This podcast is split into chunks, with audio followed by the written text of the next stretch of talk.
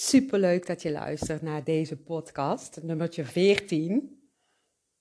En ja, ik wil echt even iets delen, want ja, ik heb, uh, ben al, al, al ik, ik geloof al, al 15 keer nu opnieuw begonnen met in te spreken. En ik heb echt heel veel last van mijn perfectionisme. En tot op heden was dat nog niet uh, ja, zo heel erg. Maar het lijkt wel of dat het steeds erger wordt. En ik had zoiets van, ja, maar dat wil ik wel met jullie delen. Dat dat uh, nu het geval is. Want als ik het deel, ja, dan ben ik dus gewoon helemaal mezelf, want het is zoals het is. En ik vind het ook wel raar, hè, dat het zo is. Ik snap het wel, denk ik. Maar toch vind ik het raar, want als ik dan zo kijk naar de mensen die bij mij in de praktijk komen. En elke dag ontmoet ik wel weer ja, mensen die uh, de opname, um, ja, die een opname willen hebben van wat ik dan uh, ja, voel bij hun, wat ik uh, doorgeef aan hun, of hoe je het ook wil noemen. En die mensen zijn er altijd super blij mee dat ze het nog eens terug kunnen beluisteren. En ja, als ik zeg maar met zo'n consult bezig ben, dan denk ik daar gewoon helemaal niet eens bij na. Bij wat ik dan inspreek. En nu ik een podcast maak, zit ik daar gewoon echt bij na te denken van... Ja, ik moet wel de goede woorden gebruiken. En ik moet niet te veel zuchten of uh zeggen of whatever. Dus ja, waar zit ik me eigen eigenlijk druk om te maken? En ik denk dat dat ook wel komt. Want ik, ik vond het ook heel raar dat ik dat in het begin eigenlijk helemaal niet zo had. Maar in het begin was ik eigenlijk meer ja, aan het spelen van, nou, ik ben een beetje podcasten aan het maken en uh, er zal toch wel niemand verder naar luisteren. Dat doe ik gewoon een beetje zo voor mezelf. Maar ja, nu luisteren dus, dus echt veel mensen naar die podcast. En dan zegt mijn, uh, mijn punthoofd, die zegt dan van, ja, doe even normaal, hè. Even goed praten en niet allemaal door elkaar praten, want dat schiet niet op. Maar ja, ik kan dat niet. Ik, ik, ik, ik kan niet gewoon perfect praten. Dat gaat niet. Dat past ook helemaal niet bij mij. En ik gebruik ook helemaal geen dure woorden of ingewikkelde woorden. En ik heb soms zinnen die ik dan verkeerd zeg of zo. Ja, maar maakt het eigenlijk uit? Zolang jullie het gewoon kunnen volgen, is het gewoon ja, prima. En ja, zolang de mensen het leuk vinden, ook prima. En ja, als jullie het niet leuk vinden, ook prima. Want ik vind het zelf gewoon heel leuk als ik gewoon wel kan zijn wie ik ben, natuurlijk. En misschien heeft het ook wel te maken omdat ik een ja, heel speciaal verhaal wilde vertellen van mijn moeder. Echt super mooi verhaal. En ik weet eigenlijk nou nog steeds niet, zal ik dat dan nu vertellen? Of ja, zal ik het dan toch eens even over perfectionisme hebben? Daar heb ik eigenlijk helemaal geen zin in. Want ja, voor mijn gevoel is het nu gewoon eruit. Hè? En dan weten jullie dat. ja, dus ik ga toch dan het verhaal van mijn moeder vertellen. Ja, volgens mij ga ik dat gewoon nu doen. Nou, en ik zie wel hoe het allemaal verloopt. Nou, en dan ga ik even terug naar vroeger, toen ik heel klein was. Toen ik heel klein was, toen uh, was ik helemaal niet bang voor de dood. Nee, ik uh, vond de dood altijd heel interessant. En voor degenen die al uh, eerder podcasten van mij hebben geluisterd, hebben misschien het verhaal ook gehoord van mij al. En ja, toen ik twaalf uh, was, kwam daar wel een verandering in. Want mijn opaatje ging dood. En ja, toen vroeg ik aan iedereen van, ja, met andere woorden dan, hoe ervaar jij de dood? Maar dan in kindertaal. Ik weet niet meer precies hoe ik daar dan uh, zei. Maar iedereen zag de dood anders als hoe ik de dood zag. Want uh, voor mij was de dood gewoon hartstikke levend. En doordat ik dus mijn eigen aan ging passen aan ja, wat andere mensen vonden over de dood, ja, verloor ik dus eigenlijk mezelf, raakte ik mezelf ja, daarin kwijt, waardoor ik een andere kijk ging krijgen op de dood. En daar werd ik wel angstig van. En ik kan me herinneren dat ik uh, vaak s'avonds, als ik dan ging slapen, daarover nadacht en daar gewoon niet uitkwam. Ik, ik snapte het gewoon niet meer. En ik was daardoor ook wel ja, best wel bang geworden om mensen te verliezen die dichtbij stonden. Ik, ja, ik was echt bang voor de dood geworden. Nou, en wat gebeurde er? Mijn moeder werd ziek. Ik was toen, ja, volgens mij 14 toen dat begon. Nou, dat begon uh, met een uh, tumor in haar been. En die is geopereerd, of ze is toen geopereerd en bestraald. En daarna kwam er weer een andere tumor in haar darmen, geloof ik. Nou ja, en zo ging het maar door. En zo ging het jaren door. Geloof dat het meer dan tien jaar heeft geduurd. En ik nam eigenlijk de volledige zorg op mijn schouders voor mijn moeder. Want mijn vader, ja, die had een eigen bedrijf en had het daar heel druk mee. Er moest geld verdiend worden. En ja, die vond dat allemaal niks om voor mijn moeder te zorgen. Die vond dat ook ja, eng, of misschien is eng niet het hele goede woord. Maar ja, als hij in het ziekenhuis kwam, dan uh, viel hij bijna flauw. hij kon daar gewoon niet tegen om mijn moeder zo ziek te zien. Nou, en um, ja, mijn moeder die kreeg ook chemo's tussen um, steeds het ziek zijn door. En die chemo's waren ja, vrij heftig. En ja, dat is natuurlijk ook al heel lang geleden hè, dat dat zich allemaal afspeelde. En toen was de chemotherapie misschien weer anders als nu. Maar mijn moeder kon gewoon niet tegen die chemotherapie. Uh, zij werd daar zo ziek van. En wat er gebeurde was dat ze um, ja, mijn moeder echt medicatie moesten geven, zodat ze twee weken lang ja, in een soort van coma-slaap werd gehouden. Want anders bleef ze maar overgeven. En mijn moeder is een heel klein, dun mensje. Die weegt um, ja, volgens mij um, 47, 49 kilo. En ja, daar bleef anders niks, uh, niks meer van over.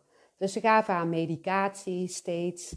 En uh, als ze dan chemotherapie kreeg, dan werd ze dus twee weken in slaap gehouden. En uh, daarna werd ze wakker gemaakt en moest ze weer afkicken van de medicatie die ze had gekregen. En daar reageerde ze ook heel sterk op.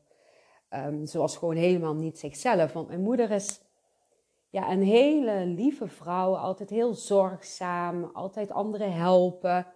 En na die chemo was zij ja, gewoon zo van zichzelf verwijderd. En psychisch deed dat zoveel met haar. Ja, je kunt het eigenlijk zien als iemand die drugs gebruikt en daarna moet afkicken. Zo was het gewoon. Waardoor dat ze ook soms ja, heel agressief kon reageren. Dus dat ze begon te schreeuwen en boos werd. Terwijl ze naar de buitenwereld altijd heel positief uh, was. Maar omdat ik de zorg voor mijn moeder ja, op me nam en ik altijd, hè, als tiener dus, uh, met haar meeging naar het ziekenhuis, eh, kreeg ik vaak um, ja, die dingen te horen. Um, ja, die dingen, daar bedoel ik dus mee. Zie je, nou kom ik dus, nou zeg ik weer iets raars, volgens mij denken.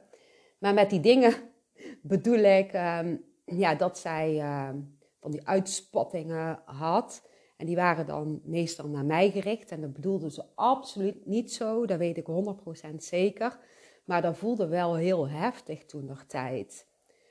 Ja, en um, achteraf gezien denk ik dat zij zo tegen mij deed, omdat ze zich ja, ergens bij mij ook heel erg veilig voelde. En vaak is het zo dat als je je bij iemand veilig voelt, dat je dan ook gewoon ja, bij diegene jezelf kunt zijn. En op dat moment ja, was ze zichzelf, maar dan toch was ze niet zichzelf. Dit klinkt ook weer heel raar, maar ik denk wel dat jullie mij begrijpen. Dus um, ja, dat, dat was echt um, een hele pittige tijd. En uh, ik was als de dood om haar te verliezen. Dus ik deed echt alles voor haar. En daarmee ging ik ook wel ja, over uh, mijn eigen grenzen heen. En verloor ik ook wel mezelf. maar ja, ik had zoiets, ja, je zit dan op een ehm, soort van overlevingsmechanisme, is dat een goed woord, ja. En je gaat maar door en door en door.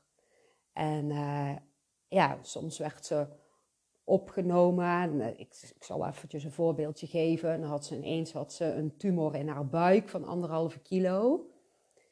Nou, en toen werd ze opgenomen, ook in het ziekenhuis. Ze werd uh, geopereerd en het was de vraag of dat ze ja, nog zou blijven leven. Dat was telkens zo hoor, want die operaties van haar die waren heel heftig en heel zwaar.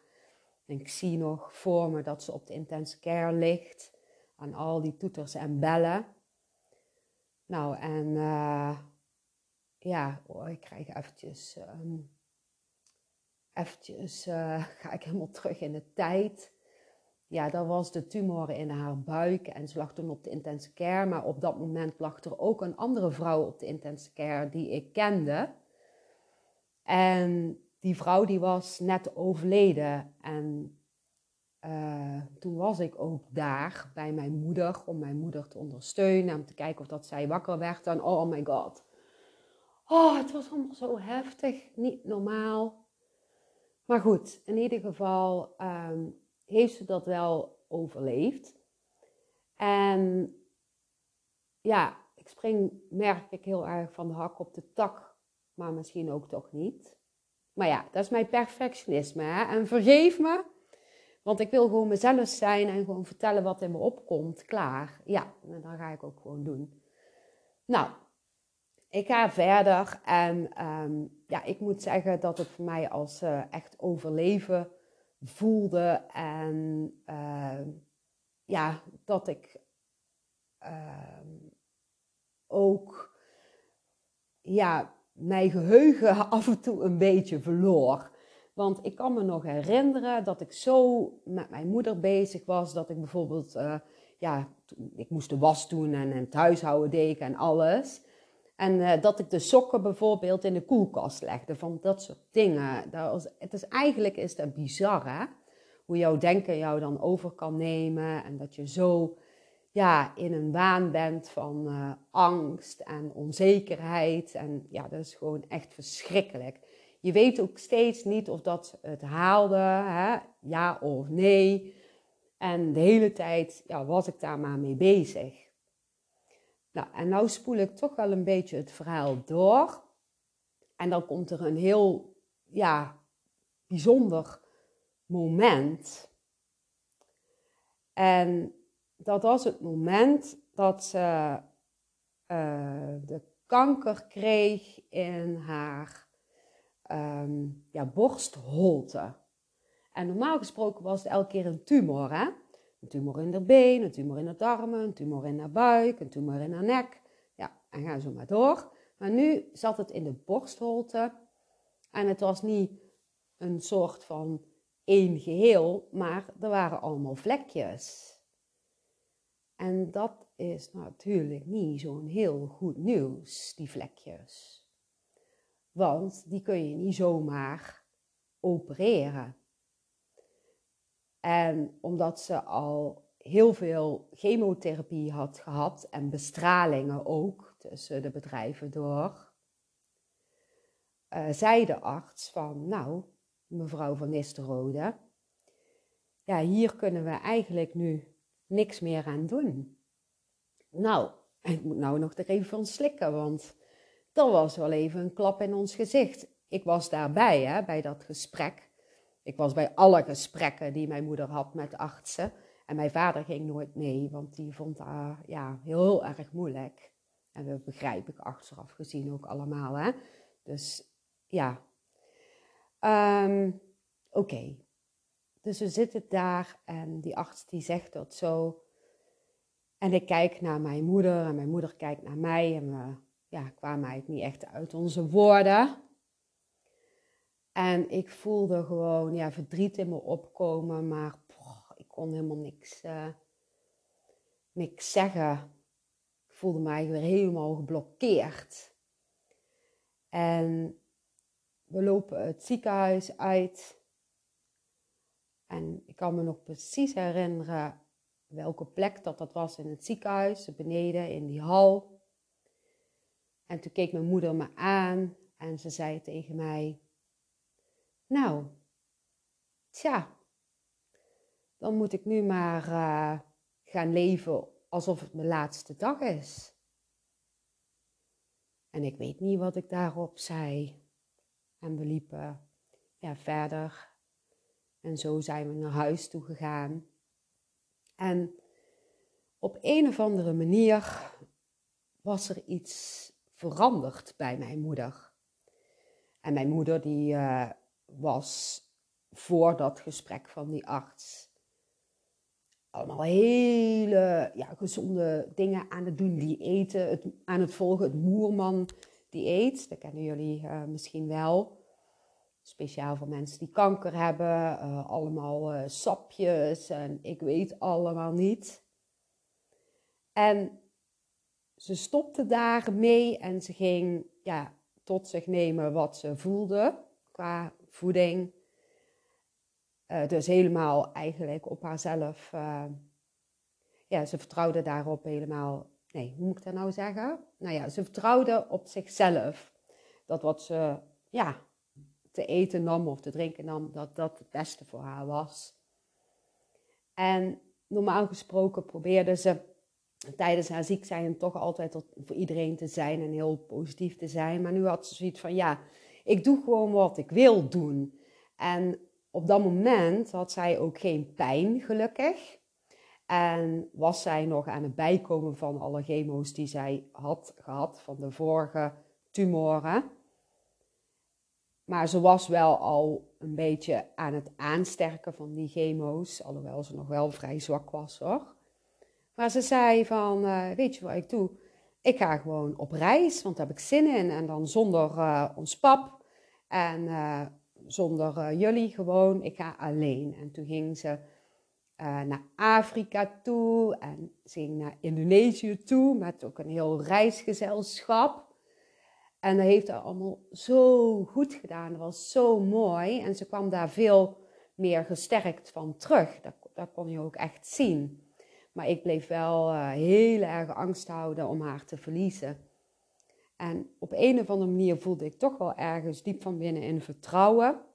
Maar ja, de angst was op dat moment wel heel erg groot. Nou, en een paar um, maanden later, denk een maand of twee later, toen moest ze in de scan om te kijken hoe die kanker ja, was uitgezaaid, hoe het eruit zag en zo. En ze gaat in de, in, in, in de scan en daarna krijgt ze de uitslag. Hè? Dat is dan meestal een week later was dat. En wat blijkt nou? Die kanker die is aan het verschrompelen. En die arts die was echt zoiets van, ja hoe kan dat nou? Want uh, dat is apart. En mijn moeder ging nog steeds door met dingen doen die ze leuk vond in haar leven. En een half jaar later was heel die kanker spoorloos verdwenen. En vanaf dat moment is de kanker nooit meer teruggekomen. En dat vind ik toch wel een heel bijzonder verhaal. Want iedereen dacht dat mijn moeder ja, zou sterven binnenkort. En ineens, ja, doet ze het weer, zeg maar. Ja, ze, ze, ze heeft zich geheeld op een of andere manier. En ik geloof dat uh, doordat zij echt werkelijk ging doen wat goed voor haar voelde, dat het, dat, dat haar heeft geheeld. En daarom wilde ik dit, dit verhaal zo graag delen. Maar ja, ik wilde het misschien wel zo goed delen, zodat het zo goed over zou komen naar anderen, dat ik daarom mijn perfectionisme erin heb gelegd.